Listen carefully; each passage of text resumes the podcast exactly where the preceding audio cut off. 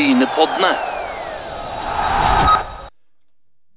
Når nå fotballsesongen er ute av eh, drift, holdt jeg på å si, så må vi snakke med en verdensmester. Og da må vi rett og slett over til Hildeborg Juve Hugdal, som er oppvokst i Sauda. Og Hildeborg, dette med kvinner og vektløfting og knebøy og benkpress og alt mulig eh, Er det på en måte stuereint i dag, dette? Eller er det, hvordan var det når du begynte? Ja, jeg vil nå egentlig si at det kanskje er mer stuereint nå enn når jeg begynte. det begynner å bli en del år siden, og det var vel kanskje mer som skjedde i kulissene da. Ikke i Norge, da, men uh, generelt i verden. Men du har jo en fantastisk uh, score her på VM og EM-gull osv.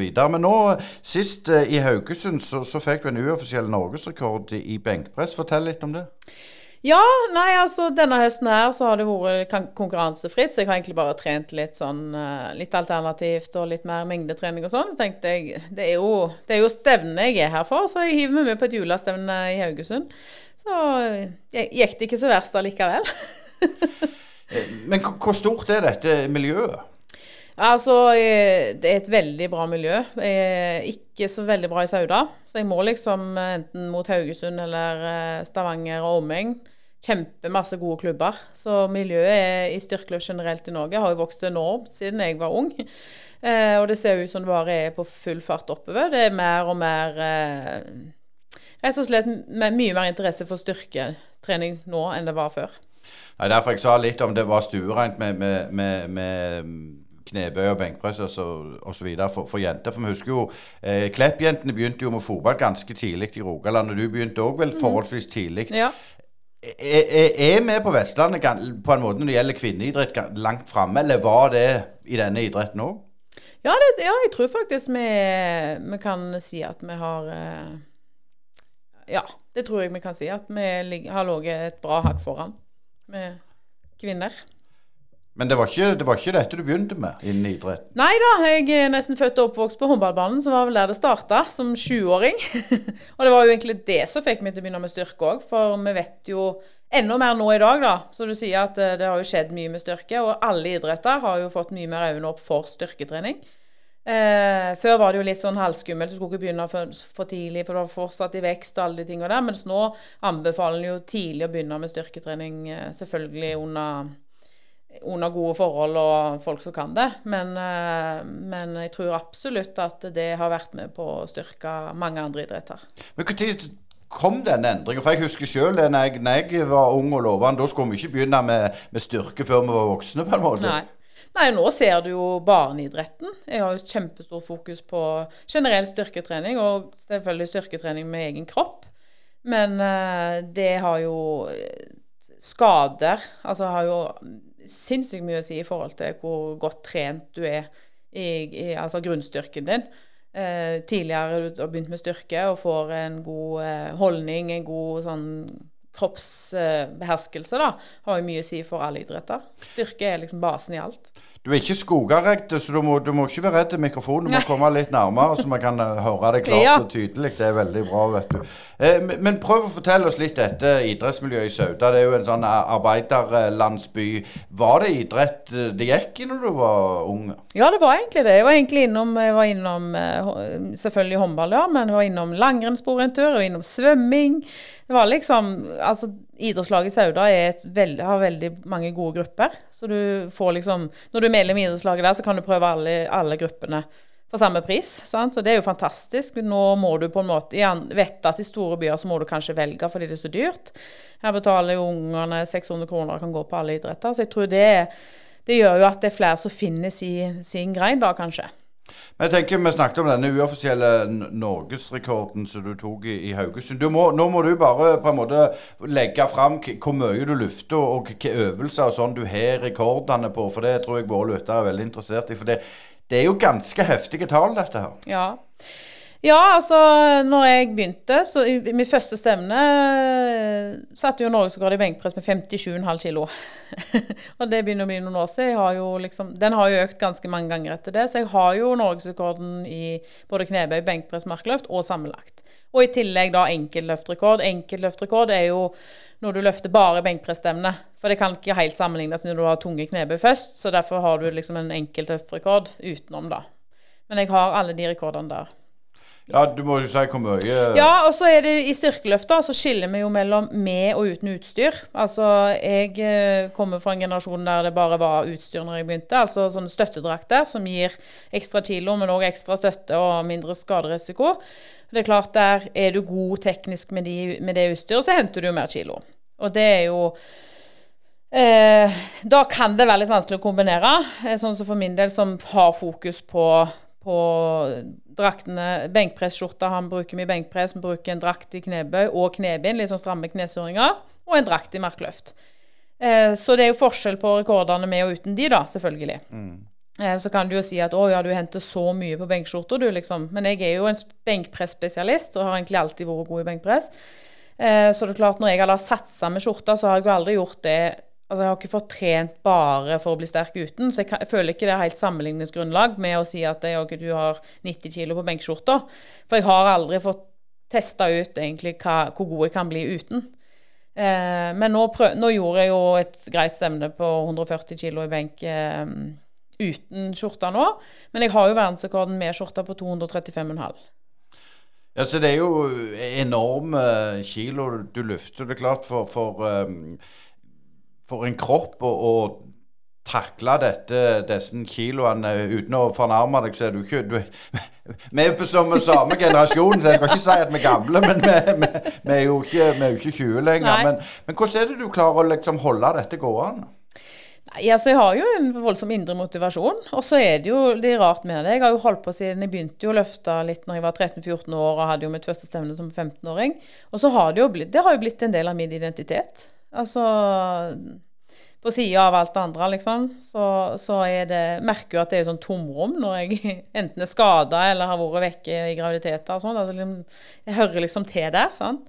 Eh, har miljø der, har masse gode venner og masse kjekke reiser. sant? Så det er liksom det er jo det som er litt vanskelig. Jeg kjenner på liksom, Må det der ta slutt en gang? men, men det er en tysker òg eh, som har betydd mye for deg? Ja.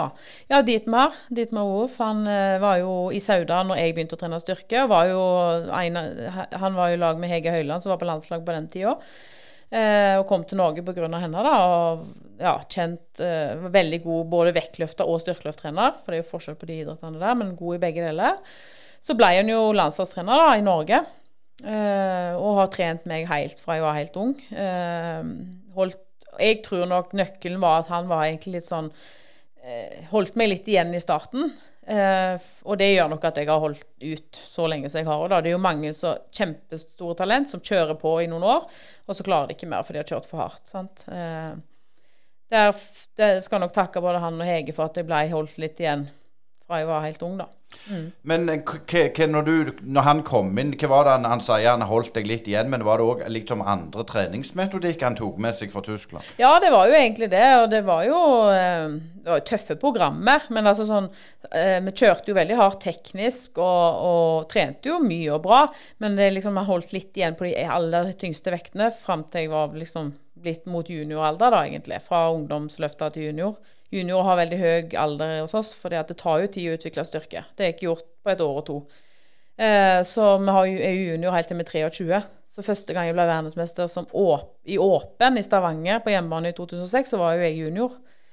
Eh, og det var vel kanskje det var jo, Altså, jeg var jo ung og ble verdensmester på hjemmebane som junior siste år. Og så ble jeg senior året etter, og det var, det var en tøff overgang. Det er jo en tøff overgang for de som eh, Altså de som det er jo, det er jo, Nivået er jo ofte stort fra junior til senior, men jeg ble jo åpen verdensmester som junior. Allikevel så gikk jeg på en mental smell fordi at jeg Ja, det ble mye greier. Altså, du var ung og skulle takle Jeg var full i studier og, og skulle, var liksom hjemmebaneprofil og fikk masse oppmerksomhet. Og ja, du har ikke noen manager som styrer intervjuene og sånt der, så det ble jo Det var et voldsomt press, da kom busslass fra Sauda og fylte Stavanger med Ja, det var jo en stemningssikling av grisen. Jeg hadde jo lyst til å rømme, sånn.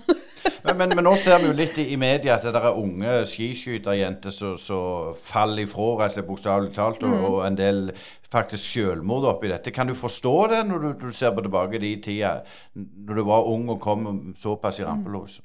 Jeg kan egentlig det, og spesielt hvis du ikke lykkes, kanskje. Eh, samtidig så hvis du har lykkes, men så lykkes du ikke videre. Sant? Den der overgangen der òg er ganske tøff. Sant? Eh, og det å takle både motgang og medgang, da. Det er ikke bare bare å flyte på medgang heller, sant? for det, det er òg tøft for hodet. Fordi at hverdagen møter deg, og du skal Jeg husker jo jeg gikk jo flere måneder opp den trappa til Sandnes Løp, og jeg grein. Jeg klarte ikke engang gå inn i det lokalet. Jeg måtte jo ha litt sånn Ja. Og de, den mentale hjelpen i sånne småidretter som oss, den står jo ikke på døra, så du må jo banke på sjøl, liksom. jeg trenger hjelp. Men, men dette med, med, hjelp og sånn, nå ser vi òg si, si, sånn gamle fotballspillere som liksom ikke er i idretten, mm. så går de òg på en smell med mm. gambling, alkohol osv. Mm. Er, er idrettslaget og, og, på en måte særforbundet flinke nok, syns du? Jeg tror vi har mye å gå på der, egentlig. Og det hører jeg jo rundt forbi enkelte idrettslag òg nå. At det er jo mange, flere og flere unge som på en måte detter bare ut av idretten. Men er det noen som etterspør hva er det som gjør at du ikke kommer på trening lenger? Handler det om noe vi har gjort? Handler det om noe annet? Kunne vi vært flinkere og fange det opp? Altså sånn, Det er jo ikke lett å gå rundt og banke på til alle, men en eller annen fora som gjør at eh, om foreldre eller noen lagkompiser eller et eller annet gjør at informasjonen når trenere og støtteapparat og helt lenge, litt lenger ned i, i nivå, da, tenker jeg. At det er mange som detter av. Men så er det jo litt farlig. Vi snakket jo litt før og før her at dette med, med å, å, blande seg og bry seg, for det er jo blitt sånn et berøringsangstsamfunn mm. fullstendig. Mm. Så det er jo ikke lett for en trener å ta den telefonen eller meldinga heller. Nei, det er ikke det. Jeg tror det, det er vanskelig. For du vet kanskje ikke helt hvor grensene går. sant? Og så tenker en jo at ja vel men det å tørre det, da, tror jeg. Tørre å liksom stille de spørsmålene som kan være litt vanskelige. Da har han iallfall gjort det. sant? Altså, Vi trenger ikke gå og tenke på når det er allerede er for seint. Men, men, for din del, var du sånn flinkisjente på skolen og, og, god på i det meste? Sånn som mange mm. jenter er faktisk i, i idrett? Ja, jeg har nok lidd av flink pike-syndrom helt siden jeg var liten, dessverre. jeg sliter litt med det ennå. Ja. ja. Men, men, var det òg litt sånn vanskelig Er det derfor vi snakker om at det, det kan bli en mental utfordring òg? For at det, du kommer på en måte i en u, u, ut av komfortsonen? Ja, ut av komfortsonen. Men òg den der hele tida litt opptatt av hva andre syns og mener, og hva skjer hvis jeg ikke presterer sånn, og det forventes av meg. sant? Altså Det å hele tida leve opp noen forventninger. Selv om ofte er det jo mine egne som, som er kanskje størst, men allikevel så føler du et litt sånn ytre press i støtteapparatet og de som du føler følger deg opp, da, på en måte at du må få det til. Sant? Så strekker vi veldig, veldig langt for å få til det. da. Men jeg tenker sånn som så, sånn så dit, Marius Tusker. Eh, følte du at det var forskjell på han coacha deg kontra de andre trenerne du hadde, gjerne rundt landslaget og, og, i klubben? Ja, jeg, for så vidt så er det det. Eh, jeg ser jo det nå at det er jo litt vanskelig. Men nå, og når du har hatt en trener i 20 år, så er det jo vanskelig å bytte.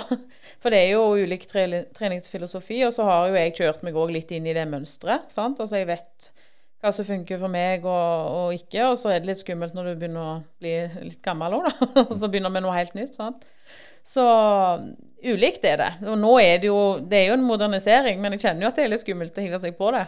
Det gjør jeg. Men etter, etter dette gullet i 2006 eh, hva måtte, når du fikk litt sånn smell, eh, hva var det du tenkte da tenkte at nå, nå må jeg bare gi gass, eller vurderte du å gi deg?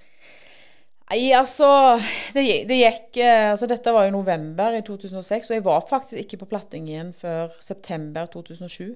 Så det tok nesten et år. Eh, akkurat i, det, i, den fasen der så var jeg med i et eh, prosjekt i Olympiatoppen som het Kvinneløftet. Så jeg var veldig heldig, da, som eh, både meg og Ditmar var med i. Det med å liksom få opp kvinneandelen av medaljer, som var veldig lavt, da, på internasjonale medaljer. Og da hadde jeg jo det støtteapparatet. Så det gjorde jo at det ble jo en del turer til Oslo. og hadde, det ikke vært for det, så vet jeg jo ikke hvem jeg skulle brukt. sant? For da var jeg allerede inne i det systemet. Men det er jo det jeg sier da. Hvis du da ikke er det, hva gjør du da? Faller du av, eller har du, klarer du å bruke andre rundt deg til å spare med? Den er jo litt vanskelig. Eh, du har jo bodd litt i Stavanger, som er i all respekt større enn Sauda. Men hvordan er det det? Nå bor du jo i Sauda og er lærer på, på skolen der. Hvordan, hvordan, takler du på en måte det å være bare Hildeborg og det å være verdensmesteren Hildeborg? Nei, Det takler jeg veldig fint. Det er vel kanskje det som jeg tror skiller oss som eh, ikke kan leve av idretten, eh, og må ha et eh, full jobb eller et, eh, ja, et, eh, noe annet enn en idretten, da. egentlig. Fordi at eh, vi er nødt. Altså, jeg er nødt jeg husker, Kollegaer har jo sagt til meg jeg ble verdensmester i 2022, og så kom jeg hjem seint den søndagen, og så mandagsmorgen så var det på jobb, og så bare sånn Hvordan klarer du å snu om på den måten? Men det er jo det jeg har trent meg opp til. Mer og mer. Tåle mer og mer. Og til å liksom Når jeg er der, så er jeg på jobb. Og når jeg er her, så er jeg der. Og når jeg er på trening, så er jeg der. Altså, ellers hadde det ikke gått. For det er en helt sinnssyk kombinasjon med 100% jobb unger som skal følges opp på sine idretter, egen idrett, reising, prepping av mat. Altså alt. Alt må Altså, det er så planlagt og strukturert at eh, Ja. Men vi hadde jo Turid Storhaug, som var en tidligere storspiller på fotballbanen. Og dette med studiet eh, på, på jentefotballspillere og guttefotballspillere er jo vidt forskjellig. Ja, det tror jeg på. Men hvis du skulle valgt og trukket opp av hatten, ville du hatt det sånn at du ikke hadde hatt jobb? Nei. Ikke, absolutt ikke. Jeg tror at eh, eh, de, det som du snakket om tidligere, at når idretten forsvinner, så er det mye verre for de som ikke har noe å falle tilbake på. Mye verre. Men jeg, selvfølgelig, jeg kunne jo godt tenkt meg å jobbe 60-70 det hadde jo hjulpet. Eh, men nå har ikke det vært et alternativ for meg, og det har heller ikke vært et alternativ for meg å kutte ut idretten fordi at jeg må jobbe. Så da har jeg vært nødt til å finne strukturen og finne balansen i livet til at jeg får til begge deler. Og det er steintøft i perioder. men men så verdt det når du lykkes. Men dette med denne balansen, da du ikke, jeg på å si, du ikke redd at det tipper over, da? Jo, jeg, jeg skal jo innrømme at jeg har tenkt noen ganger hvor lenge går det? Altså hvor lenge klarer jeg å presse dette? Men jeg føler jo bare jeg klarer å utvide, utvide, utvide til å tåle mer og mer og mer. det så jeg, at jeg, jeg, altså jeg trodde jo jeg hadde det travelt når jeg var student og toppidrettsutøver, liksom, og nå ler jeg jo høyt. sant? Altså, ja, Da kunne du sove det du klarte, du kunne ha mye bedre tid til trening. og altså, Det er jo en helt annen kombinasjon enn full jobb og unger og, og trening. og tillegg bor jeg litt sånn at nå når jeg skal ha tunge økter, så må jeg hit. Eh, jeg skal til Gandal i kveld og trene med landslagstreneren i benkpress, liksom. Eh, eller Haugesund. Eller, ja, jeg må liksom to-tre timer i bil da, for å ha ei tung økt som jeg ikke kan ha hjemme i garasjen, for det er ikke sikkert nok. Men idretten her, vil du si at det er det fysiske som er det verste, eller det psykiske du må trene mest?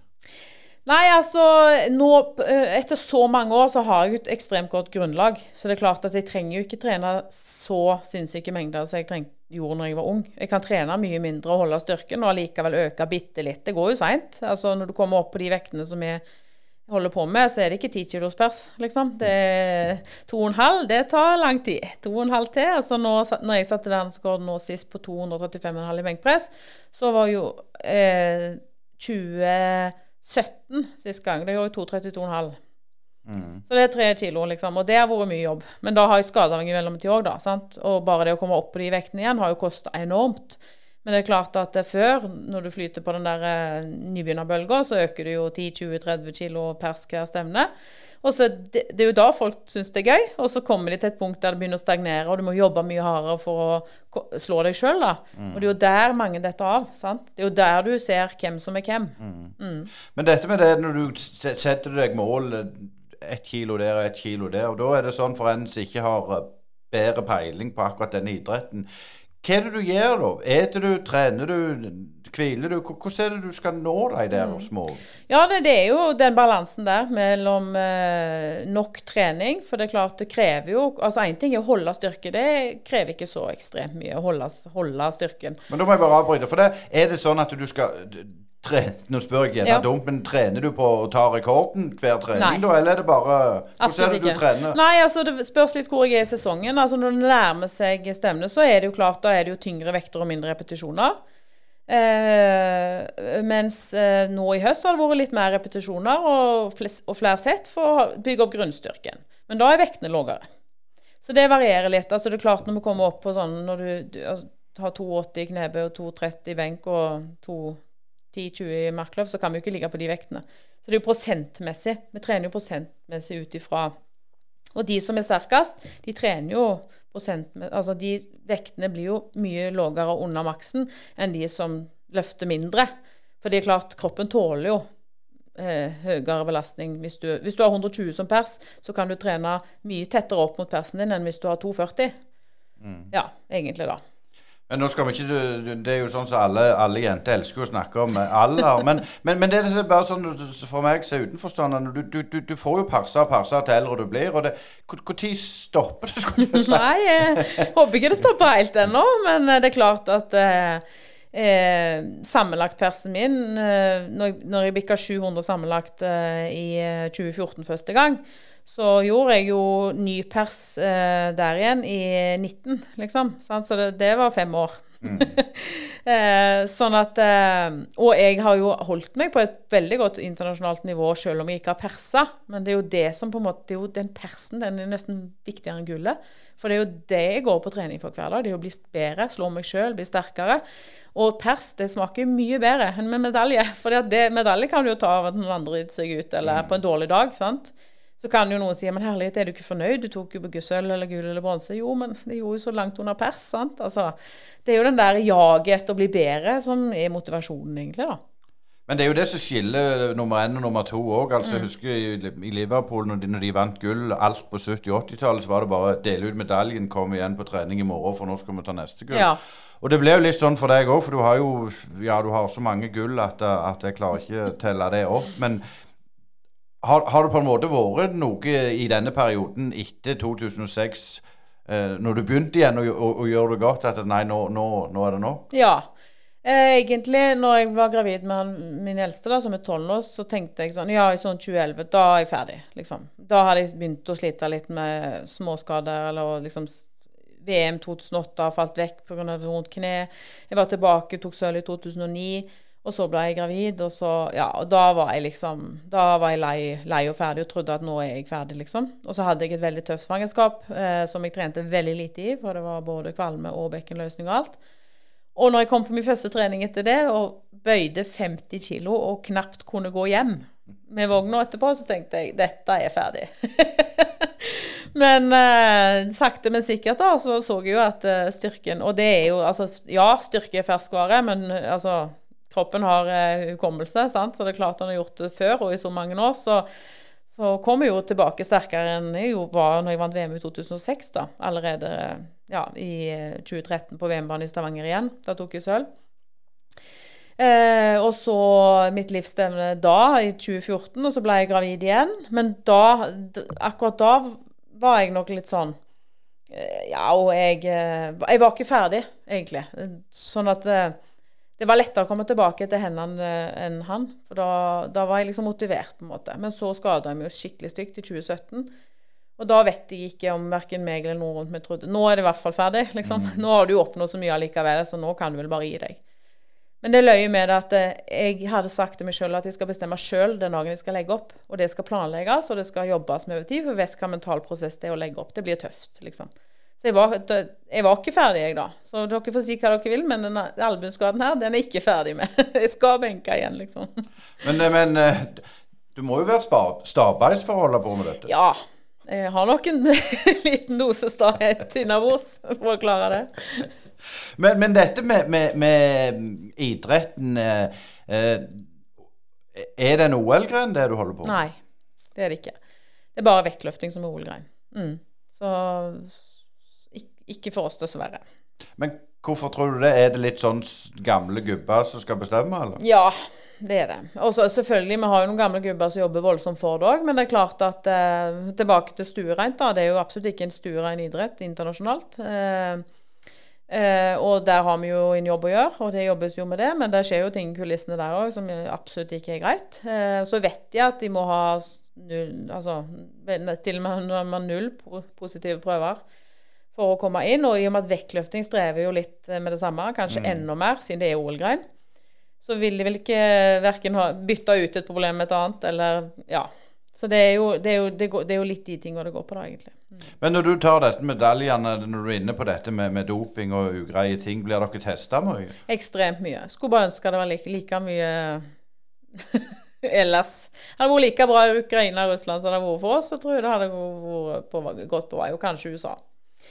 Men det er Altså, jeg har jo hatt De er jo, har jo vært hos meg tidlig og seint. Eh, klokka seks og klokka 22, og de dukker jo opp til all, all verdens tid. Og alle verdensrekordene må du jo ha testa i. Men de har sine kjøreturer til Sauda for å ta blod og urin av meg, altså. Mm. og vi blir jo godt kjent med de kontrollørene òg, men det er jo klart, de sier jo sjøl at eh, å komme inn i Russland på treningstest, da kommer du ikke langt. Altså, det, det, er og slett, det er rett og slett en Det er en utfordring. Det er det absolutt. Eh, og det er klart, vi har jo sett mesterskap eh, De har jo altså før krigen, da. Men altså Ukraina og Russland har jo aldri vært bestevenner. Det har vi jo sett, på en måte. Men eh, når de kom inn for å teste på et nasjonalt stevne i Russland, og tok 15 av 30 som de testa, så bisla jo Russland til Ukraina. da, nesten skulle ha sitt nasjonale stevne uka etter. og Da stilte seks av seks 70 til start. Sant? Og det forteller jo en hel del. Og vi har jo, altså, og vi vet jo, altså, jeg har jo, jeg jo selv kommet inn i sånne tre... De bor jo ofte på hotell. Jeg skulle på EM i Ukraina en gang som junior, så vi bodde på det hotellet en natt før vi skulle videre. meg og ditt med da. Komme inn i den der eh, gjengen der og bare og, I alle dager står det dame der på 60 kilo og drar en dobbel på 2,40 i Markløv. tenkte jeg, men hun skal vel ikke på dette stevnet? Nei, hun skulle på et stevne om en måned. Så da er jo de på sin topp, og så kommer de jo på EM og VM og ja, de er jo langt under sin gamle pers, men det er jo bra nok til å ta gull eller sølv iallfall. Eh, men det er jo ikke et smil å se. Så da tenker jeg at, eh, Og jeg har mange sølv bak Russland og Ukraina, og bronse, men eh, jeg kan iallfall stå der med et smil og tenke at eh, det er verdt det. For jeg har sett mye rart av de eh, mellom trenere og utøvere, og hissige og tet og hotellrom og slag og spark. Og nei, takka meg til en bronse. Men det, det er noe som jeg alltid har tenkt på. Hadde det ikke vært veldig fristende å gjort noe da? Nei. Og to- Ja, jeg- jeg- det hadde jeg, jeg holdt på å si det, Jeg hadde nok tenkt den tanken at nå har jeg fått bronse og sølv, ja, men jeg kan bare trikse litt, så blir det Aldri tenkt tanken. Jeg har tenkt en dag så blir det meg. Altså en dag så Og så har det jo skjedd at de har jo blitt utestengt, sant? så da er det vår tur. Men det er jo synd at det er det som må til, da. Sant? Og så er det jo eh, Noen ganger så har jeg bare tenkt ja ja, når hun ryker nå, hun må jo snart bli ferdig, sant. Eh, så er det min tur. Men så kommer det jo et nytt menneske. Hvor kom hun fra, liksom? Hvor har hun gjemt hun? Som gjør over 700 totalt, som hun aldri har sett navnet på, liksom. Så de, de, Av og til så tror du de vokser på trær, vet du. interessant. Men, men det sånn idretten i, i Europa og verden, hvem er det som er nasjoner som er lengst fremme? framme? Nei, det har vært Russland, Ukraina og USA. Og det er litt av det som du sier? Ja, det kan, jeg kan jo ikke sitte Nei, og være helt nei. bestandt på det, selvfølgelig. For det skal jo være svart på hvitt. Eh, Men sånn de andre nordiske landene, da? ja, egentlig Sverige eh, har ekstremt mange gode, spesielt utstyrsfrie løftere. De hevder seg eh, i verden altså utstyrsfritt. Men, eh, men akkurat med utstyr og sånt, som har ditt mail fra, fra ja, mange år tilbake, og med den kompetansen, så har fått ut fram ekstremt mange gode løftere. Så har jo vi hevdet oss i lagkampen i år etter år og tatt medalje i lagkampen. Det gjør at eh, de, vi får sånn eh, nasjonspoeng etter plassering. Tolv poeng for gull, ni for sølv, åtte for bronse og så nedover. Og da er det jo de fem beste på laget, da. Sant? Og når vi klarer å hevde oss i så mange klasser, så betyr jo det at vi, vi gjør jo noe rett til å være en så liten nasjon, da, egentlig. Men dette med, med landslag og sånn, fortell litt hvordan det der virker. Nei, altså, landslaget er jo eh, der Jeg husker jo ennå jeg, eh, den dagen jeg henta posten da jeg var 16 år, og det lå et brev i der med landslagsuttak. Så det begynner å bli noen år siden. Det er litt mer digitalisert nå, da. Men eh, det Ja, det kommer til Sauda, det. Brevdua. Nei da, det, jo, det fungerer jo litt sånn eh, antall, De har jo kilokrav, da.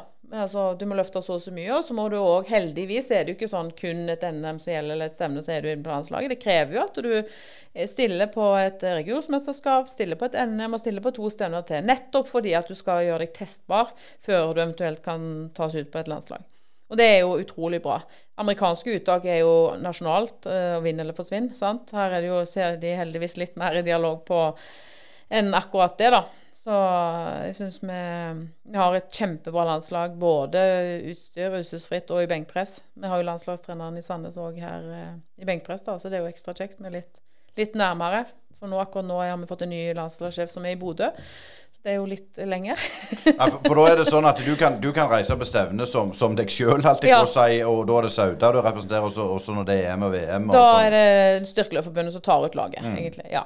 Og de tar jo ut de beste, som både skal prestere godt i sin klasse, men òg tenke på laget. Lagpoeng, og, og at vi skal hevde oss i, i, i laget. da. Sånn, I strategiplanen så heter det at vi skal bli topp fem i VM, og vi skal ta medalje i, lagkampen òg. Så da må vi ha de beste både i klassene, men òg Men vi var jo inne på dette med at du jobber fullt utenom, og, med alle disse gull og, og, og verdensrekordholder. Så, så, er det jo lite penger, og jeg forsto sånn at det er jo lite nasjonale sponsorer. Sånn. Hvorfor tror du det er sånn? Nei, altså I Norge må du helst ha født med ski på beina, eller eh, være veldig god i fotball, tror jeg. Skal, det er jo egentlig bare de idrettene, og golf kanskje. sant? altså, det er få idretter som som henter penger, egentlig. Som er penger både i forbundet og, og på en måte eh, Ja. Men når du ser på, på disse Kaller det politikerne, ser jenteutøvere altså, som på en måte krever mer og mer og mer, og mer, og så har de per i dag ti ganger så mye som deg som er ja. verdensmester. Og, hva tenker du da? Nei, altså, Jeg tror kanskje jeg brukte litt mer energi på det før. Det føltes jo litt urettferdig, på en måte. Eh, du jobber jo hardt, og kanskje enda hardere, i og med at du må jobbe ved siden av òg. Altså, jeg, alltid, husker vi var på samling på Olympiatoppen, og jeg følte noen satt og trødde på sykkel. Og ja, ja, så det var din jobb, liksom. Du kan trene, og maten får du servert, og ja. Alt eh, fysioen er der når du trenger den, og det er bare å knipse, liksom. Sant? Det er jo, her må vi jo jobbe og tilrettelegge for alt for å få tid til både behandling og ja preppe maten riktig. og ja, det er jo, og søvn og restitusjon. Og jeg tror egentlig det for min del, da, det er vel kanskje det det har skofta mest på etter jeg fikk unger, det er jo på en måte å få nok hvile. Sant? Det er jo det med å ja, hente seg inn etter øktene har vært vanskeligere, da, med tanke på at kanskje ikke søvnen er optimal, og så ja, og en krevende dag på jobb, og så Men når du nevner det, nå er jo NM det neste, altså i februar. Mm. Når du på en måte går gjennom en, en, en, en treningsuke nå mm. Nei, altså, jeg eh, trener jo veldig mye i helgene for å lette litt på trøkket i ukene, egentlig. For jeg, altså, I og med at vi bor i Sauda, og du, jeg har jo ei som spiller håndball, og ei som spiller fotball. Og du må jo til Haugesund på bortekamp på tirsdag her når du skal med han. Og så er det jo mye, litt helger med håndball, da. Heldigvis overlapper det jo på andre litt, de sesongene. Eh, men det er jo sant, så har jo møt, foreldremøter både her og egne unger, og du har treninger du skal følge opp i ukedagene. Så jeg prøver jo å trene inn sånn at jeg har to-tre dager i uka og ikke må. Hvis jeg ikke sant, jeg trener fredag, lørdag, søndag. Og så har jeg, mer, har jo mer overskudd når jeg våkner lørdag. Jeg men altså, gå litt i dybden på mm. hva, altså, hvor mye du trener du? Er, er, det styrke, er det kondisjon, eller er det Ja, det er styrketrening hovedsakelig. Altså, men òg mye sånn rehabtrening for skader og for kropp. Altså, den, den, er jo blitt mye større nå enn den var før, den biten der. og den tar jo litt tid. Ja. Men det er jo sånn type trening jeg har matta på stuegulvet og kan gjøre mens ungene er til stede og vi holder på med noe. Altså det, tar, det, tar, det, tar, jo litt tid, men jeg må liksom ikke gå på trening for å gjøre det. Altså det er mye øvelser jeg kan gjøre i stua. Tøy og bøy og litt sånn ja, kårøvelser og støtteøvelser til, til styrken da, for å holde men har trenings på en måte metodikken endra seg i forhold til det du begynner Han har jo endra seg for deg fordi at du har mm. blitt eldre, på en ja. måte, men, men for de ungen som begynner nå, når du var ung, mm. er det mulig? Nei, altså er du ung, så kan du jo nesten trene hva som helst, så har du jo framgang. Det er jo når du på en måte kommer et steg videre at du må spesialisere litt, på en måte. Så det er jo veldig spesifikt eh, for min del, da. Det som har endra seg mest, er at vi trent før, så var jo kun eh, sett og reps og kilo satt opp. Mens nå er det litt mer på dagsform, så du skal hele tida kjenne hvor mange repetisjoner du har i reserve. Eh, hvis du skal trene en åtter, så skal du liksom ha to reps igjen før det er maks. Så jeg må hele tida tenke mer på trening nå. Før jeg gikk jo på trening, så sto det der. Så og så mye skal du løfte, så og så mange reps, så og så mange Altså da gjorde jeg det. Mens nå må jeg liksom Uff, var det én eller to igjen der? sant? Og så må mm. du føle og tenke mye mer. Eh, det er litt krevende, syns jeg. Spesielt hvis du går ut i garasjen når uh, du egentlig har hatt en lang og tøff dag, og så skal du begynne å tenke og føle. Og så, Oi, egentlig så burde jeg hatt noen som sikra her, men det var det ikke i dag, liksom. vi får gjøre så godt vi kan. men dette med, med, med, taktikk og sånn under, under stevnet, det òg er jo veldig viktig. Ja. Og det er jo noe som starter, Den prosessen starter jo lenge før vi reiser til mesterskap, for vi ser jo hvem som er påmeldt og nominert. Og ja, nå, nå, si, nå, nå, er det VM i Texas i mai. Når ja. er det du får vite hvem som er med der? Nei, nå kommer jo landslagsuttaket nå i januar da, for neste år. Eh, og, eh, og preliminær, den første påmeldingen, den er jo en del måneder før, så vi får jo uttaket om å signere om vi er interessert i å være med. Hvis ikke så går jo gjerne plassen til noen som er litt lenger ned på listene. Eh, og da ser vi jo òg andre nasjoner hvem som er påmeldt. Sant? Så da har vi jo en sjanse til å gå inn og sjekke litt hva de har gjort før, hva de tror de er gode for, og om det er folk du kjenner og har vært løfta mot før, så vet vi jo litt hva det går i, på en måte. Og så gjelder det jo å være litt sånn taktisk i forhold til åpningsløft og høyninger underveis i, i forhold til hva de høyner på og sånn. Så det, det, er mye å følge med på. Men for din egen del, hvis du skal på en måte bli noen prosent bedre, hvor, hvor er det du har å hente? Er det på taktikk, er det på trening, eller er det på Nei, det er på trening, og så er det jo litt på guts og gambling. Altså, det er klart at eh, det er jo Men har du blitt hardere i hodet med åra? Ja. Absolutt. Det vil jeg jeg var Før så var jeg jo ikke snakkende til ei uke før stevnet. Jeg sa jo knapt ja og nei. Eh, og låste meg jo inne hvis jeg gjorde, et bomløft, liksom. Ville ikke komme ut til å fullføre konkurransen. og livredd for alt mulig. Altså all slags Det var krisemaksimering de luxe. Jeg har jo en tendens nå, men jeg er mye roligere. Og klart at stressnivået mitt er jo litt høyere jo nærmere jeg kommer, men i forhold til før så tror jeg nok at det er litt lettere å være rundt meg nå enn det var før. Lære så lenge du, når du blir ja, eldre, ja, ja. Men, men hva er målet nå med VM for din del? Nei, altså har jo en sånn der, Nå var det jo den eh, rekorden i enkelløft som jeg har jagd ganske lenge og hatt mange forsøk på. Satt jo nå på EM i høst, eh, 2.35,5. Men Så nå har jeg jo en drøm om å benke 2,40, da. Det er jo 4,5 kilo opp, og det, liksom, det høres jo veldig lite ut. Men det er jo pluss 2,35,5. Det er liksom ikke bare Ja, jeg hadde de fire kilo skulle jeg klart. ja, men resten, liksom. Nei, så er det jo taktikken. Altså, hvis du ser, Jeg går jo ikke på en verdensrekord, eller jeg går jo ikke på noe sånn der voldsom overgjeld før jeg vet at hvis jeg har gullsjanse, da, så er det jo gullet først. Og så ser jeg sånn som nå på EM i fjor, så var det jo ei som prøvde å ta, ta meg på siste løftet sitt. Så hvis hun hadde tatt den, så hadde ikke jeg gått på verdensrekord. Da hadde jeg bare gått på den rett over henne, siste løftet mitt. For jeg løfta etter henne, da. Så det er klart, det, det valget må jeg jo ta. Enten kunne jeg bare tenkt den verdensrekorden skal jeg ha, og gutsa. Her er blir det både gull og verdensrekord. Eller så blir det sølv, liksom. Så det valget må en jo Det spørs jo hva en går inn i mesterskapet med. Er det vinn eller forsvinn, holdt jeg på å si? Eller er det faktisk å samle kilo for å ta gullet, liksom. Ja, for det, det er VM i mai, som vi har sagt, og så er det jo EM i Tyrkia i august. Ja. Så, så det, det er jo ganske tett. Ja, det er veldig tett i benkpress. Altså, nå, har jo, nå er det jo benkpress som er fokuset, for ryggen er litt eh, krank. Men uh, tidligere med, med styrkeløft så var det liksom EM i mai, og så var det VM i november. Da får du liksom to veldig gode oppkjøringsperioder. Mens når NM er ferdig nå, så har jeg jo knapt en oppkjøring til VM, og så er det jo en, ikke en hel oppkjøring til EM igjen, liksom. Så det går slag i slag, da. I benkpress. eh, Men hvor mye krutt svir du på, på en måte på, på, et, eh, på et VM? Jeg blir veldig ofte utlada etter mesterskap, altså. Det er, altså jeg, det er faktisk en ting jeg aldri slutter å bli overraska over. Den første og andre treningen jeg kommer hjem fra mesterskap, og så er stanga og 50 og 60 og 100 kilo føles som 200. Det er så tungt og vondt. Og bare hva, hva, Hvordan klarte jeg å løfte dette i helga? Liksom? Altså, en tar litt tid. Altså, men, men det er jo mental utladning òg, ofte. For du, altså, du bruker mye energi opp mot et mesterskap og har det fokuset i lang, lang tid. Og så går jo ofte lufta litt ut etterpå. Uansett om det går bra eller om det går dårlig. eller hva det måtte være. Altså, Mange tenker at når det går bra, så, uh, så går du på trening igjen med sånn kjempegiv, og, og så er det kanskje da smellen kommer da, liksom. For han kom ikke før. Men, men jeg hører deg snakke her, Hildeborg, så er du jo på en måte en spesiell eh, dame. Og navnet ditt, Hildeborg Juve Hugdal, det tror jeg faktisk du er den eneste i Norge som heter. Har du sjekket det? Eh, nei, eh, det er nok bare meg. Men besta mi, altså Hun heter jo Hildeborg Juvet. Så jeg er jo oppkalt etter Vesta. Men eh, Hildeborg Juvet Hugdal eh, tror jeg jeg er ganske alene om, ja. Eh, dette med, må, må litt helt avslutningsvis innom dette med, med, med dette Sauda-miljøet. Er det noen eh, unge Hildeborger som kommer? Om de er i Sauda, det vet jeg ikke. Men de er iallfall der i Norge, ser jeg. det er, det er masse bra på gang nå i mange gode klubber. Og jeg ser at uh, enda tidligere òg, kanskje. Talent. Uh, og så er vi kanskje blitt flinkere å ta vare på de nå, for vi vet mer.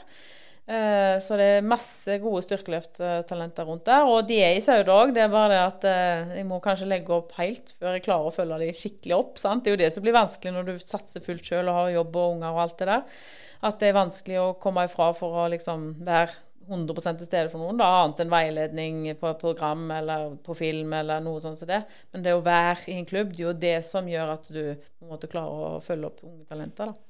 Men dette med, med når du kom så, sånn så, som en storm og, og bare tok medalje på medalje, det har jo gjort noe med rekruttering? Ja, jeg tror jeg har fått masse meldinger eh, opp igjennom. Eh, liksom eh, av jenter som både altså selvtillitsmessig ikke har tro på seg sjøl, som har liksom sett meg som et forbilde, sett at liksom, det er mulig sant, å få tro på seg sjøl. Så det har vært veldig kjekt, da. Altså, det betyr jo vel så mye. Hvis jeg kan være det, så er jo det vel så mye som medaljer, for å si det sånn. Det, det er jo kjempegøy.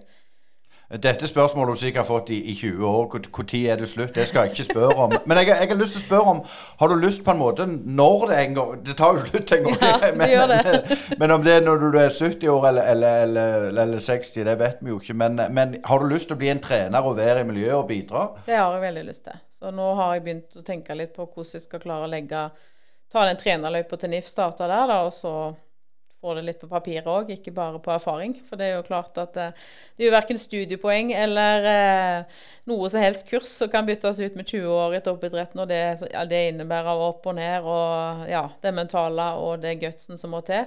Men det er klart, jeg har jo ikke på papiret annet enn medaljene. Så hvis jeg skal videre, så må jeg kanskje få det på papiret òg. Men du var jo sånn flinkisjente, så det går greit. Ja. Men, men, du sa òg at, at VM-gull gir deg eh, det jeg har lyst til å si, 5000 kroner i klingende mynt. Så det, det, det er jo ikke pengene som driver driver deg, iallfall. Nei, det er ikke pengene som driver meg, men det er klart at de, de pengene der betyr jo mye. Altså, det gjør jo at jeg kanskje jeg kan ta de behandlingene jeg trenger, og reise hit og ta en treningsøkt, så ikke gå utover den daglige, daglige lønna mi, for den trenger jeg jo klart til familien og hus og hjem. Så det, det kan høres lite ut. Men uh, noen, noen, rekorder og noen medaljer i løpet av et år, så blir det jo kanskje 15-20 ja, altså, nok til å gå i null, da, for å si det sånn. Kanskje. Ikke helt, selvfølgelig. Det koster jo, det koster jo å drive idrett, men uh, det er det som liksom har vært målet mitt, da. Uh, jeg holdt på å si, Hvor mange ganger har du uttalt til, til, pressen at nå er, det, nå er, det, nok? Jeg bare leste en liten kommentar her som sto nå, nå, nå er du ferdig, men uh, du klarer jo ikke det. Nei, det er noen som sier at jeg ikke gir meg for beina etter hvert, så det er helt slutt. Men jeg vet ikke. Nå har jeg jo trappa litt ned fra styrkeløft til benkpress, da. Men det er klart jeg, må, altså, jeg er jo nødt til å holde gang i det, for kroppen stivner jo helt hvis jeg ikke gjør det. Men, uh, men det er klart at uh, jeg har jo de siste årene nå, så har jeg jo tynt kroppen mer enn det som har vært bra. Altså det har vært mye smertestillende for å komme gjennom treningsøkter. Og så har, når jeg, kroppen er på det vondeste, så klarer jeg nesten ingenting. Og så er jeg livredd for at jeg skal treffe på et mesterskap. Så det er jo langt ifra optimalt. Det har vært på ren og pur vilje de siste åra i styrkeløfter. Så akkurat den biten der med knebøy og markløft har jeg vært nødt til å rappe ned på. Så får vi se da hva som skjer med benkpressen, hvor lenge det varer. Men det er VM i Drammen i 2025, da. Så det benkpress-VM på hjemmebane har jeg jo aldri vært med på, eller i Norge. Så det har jeg iallfall planer om å være med på. Det var en fornøyelse å ha deg på besøk, Hilde Borgå. Masse lykke til med det som skjer i, i, i, i eh, NM og VM og EM. Og vi i Brynepodden skal følge med deg. Og igjen, tusen takk for du tok deg tid til å komme i en hver, travel hverdag. Bare kjekt. Du hører nå på Brynepoddene. En uavhengig og litt dypere podkast som gir deg lyden av ekte sport. Vi har studio på Bryne, og herifra sender vi deg motstemmen til den overflatiske og klikkorienterte sportsjournalistikken. Gå inn og se i vår nettbutikk på Bryne Paddene med dobbel A, punktum, og følg oss i sosiale medier. Ja, følg oss i sosiale medier. Det er viktig for oss. Og hvis du vil at vi skal fortsette å gå litt dypere og være en motstemme til den overflatiske, klikkorienterte sportsjournalistikken, så kan du støtte oss via vårt vips nummer eller du kan gå inn og handle litt eh, merchandise. Og ikke minst, du kan følge oss på Facebook. Der er det en abonnementsknapp. så da Trykker du på den, så er du med og hjelper oss med ti kroner per måned. Og du kan tid som helst eh, trykke den av igjen. Og ikke minst hvis det er noen som vil være med som eh, sponsorer og annonsører, så setter vi pris på det. Men dette var Brynepoddenes første eh, podkast i 2024, og vi takker for uh, at du er med oss i år òg. Og neste tirsdag, nei, torsdag, vi må ikke blande det, neste torsdag så er det en ny Brynepod, og tusen hjertelig takk for uh, fulle. Brynepoddene.